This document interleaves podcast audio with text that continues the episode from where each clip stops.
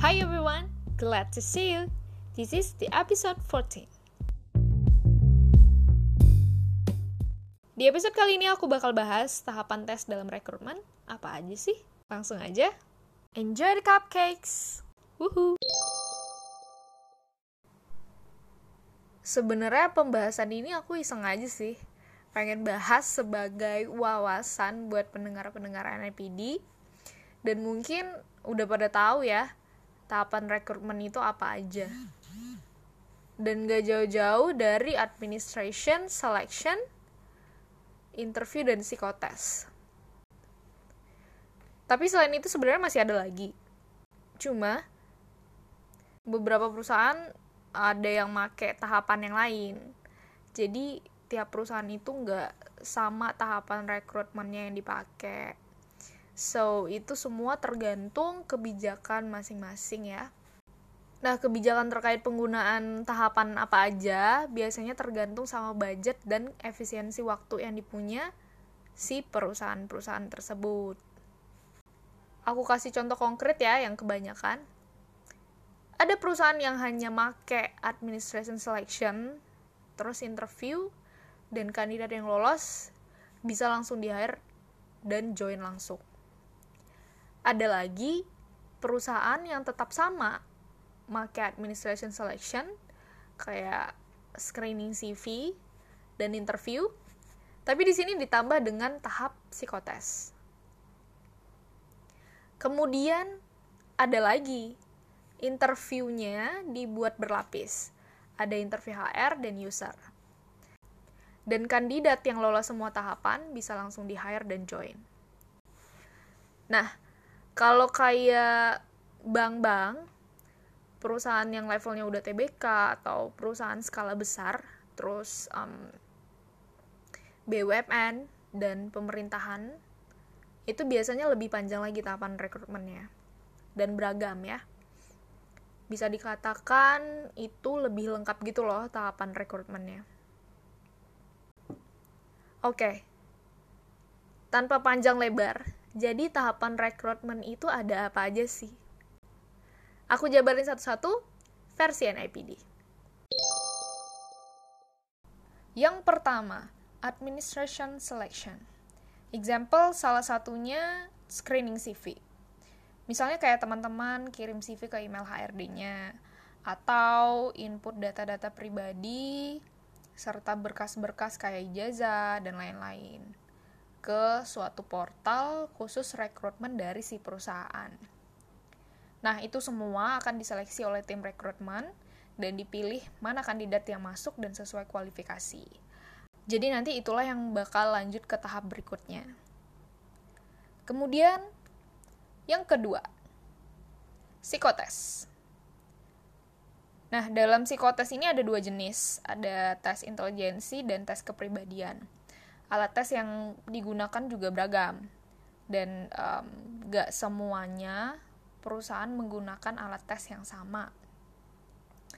For example, untuk di kantor aku sendiri yang sekarang per sekarang ya, kita pakai alat tes itu ada Papikostik, DISC, Cevit, Kreplin, Warteg, MBTI, dan tes kemampuan bahasa Inggris. Oke, okay alat tes lainnya itu uh, mungkin di perusahaan-perusahaan lain ya yang yang mungkin.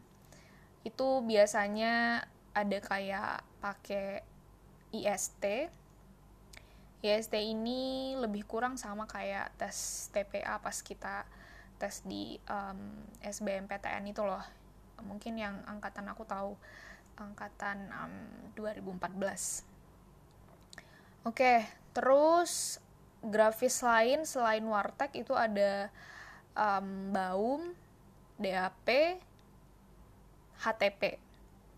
Terus ada lagi alat tes yang namanya Adkudak. Biasanya ini uh, buat lihat ketelitian untuk uh, rekrutmen di um, perusahaan bank. Oke. Okay? Nah, selain Adkudag ini juga kayak ada uh, and Seven, alat tes and Seven namanya. And then ada EPPS, terus ada Rosa dan lain-lain um, aku tahu hal ini itu karena aku dulu pernah ikutin psikotes beberapa perusahaan lain ya jadi begitulah oke okay. tapi ini alat tesnya masih banyak lagi sih. Kalau disebutin semua nggak kelar-kelar.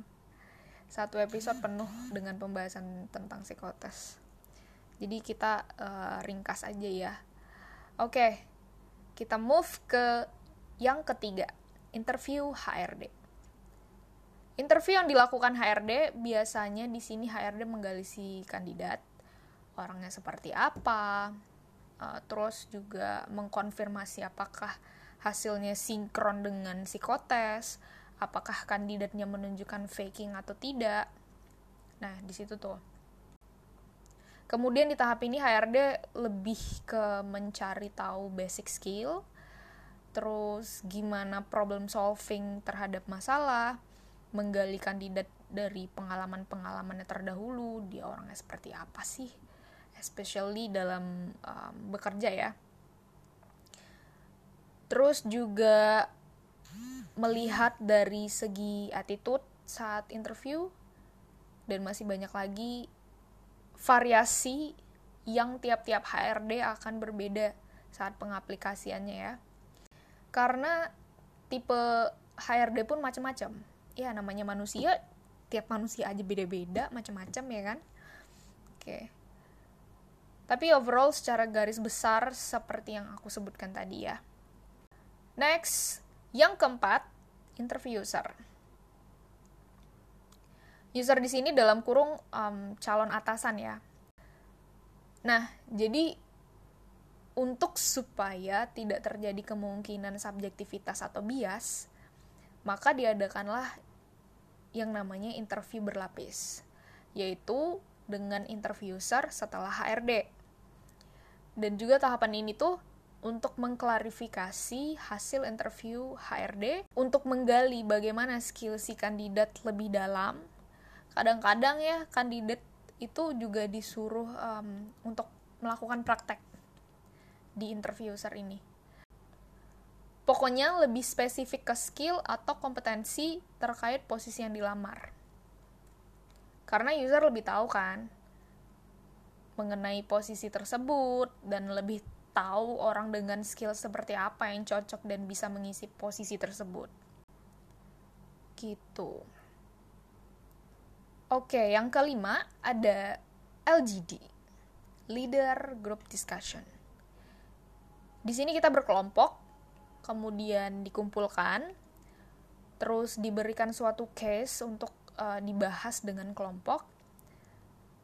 Nggak ada intervensi dari fasilitator, pesertanya mandiri, dan tester di sini bertindak sebagai observer yang akan menilai kandidat mana yang dianggap pantas dan sesuai dengan penilaian. Penilaian umum yang dilihat, contohnya dalam hal leadership, dan antusiasme dari individu. Oke ya, catat tuh. Untuk detailnya sih masih ada lagi. Next, BOD interview, Board of Directors. Nah, di sini kandidat akan dihadapkan langsung dengan dewan direksi atau orang-orang inti, petinggi dari perusahaan. Tapi ini jarang digunain sih kayaknya ada yang pernah dapat tahapan tes ini nggak pendengar NAPD? Hmm? Ada nggak? Oke. Okay. Next kita lanjut. Yang terakhir ada MCU, Medical Check-up. Atau bahasa Indonesianya itu tes kesehatan. Nah, biasanya kandidat yang akan dites itu um, ada beberapa item yang akan dilihat aku nggak hafal sih itemnya apa aja kayak mungkin um, seingat aku ya ada hemoglobinnya terus kayak pokoknya ngelihat um, apakah sehat dan apakah ada masalah di tubuh si kandidatnya untuk istilah-istilahnya aku nggak nggak nggak inget dan biaya MCW ini itu biasanya dibayarkan oleh perusahaan dan jikalau anda lolos semua tes tersebut maka bersiaplah untuk di hire. Selamat kamu bergabung di perusahaan. Selesai. Jadi, itu dia beberapa tahapan tes dalam rekrutmen. Semoga bisa membantu ya dan nambah wawasan. Oke, okay, I'm out. Bye.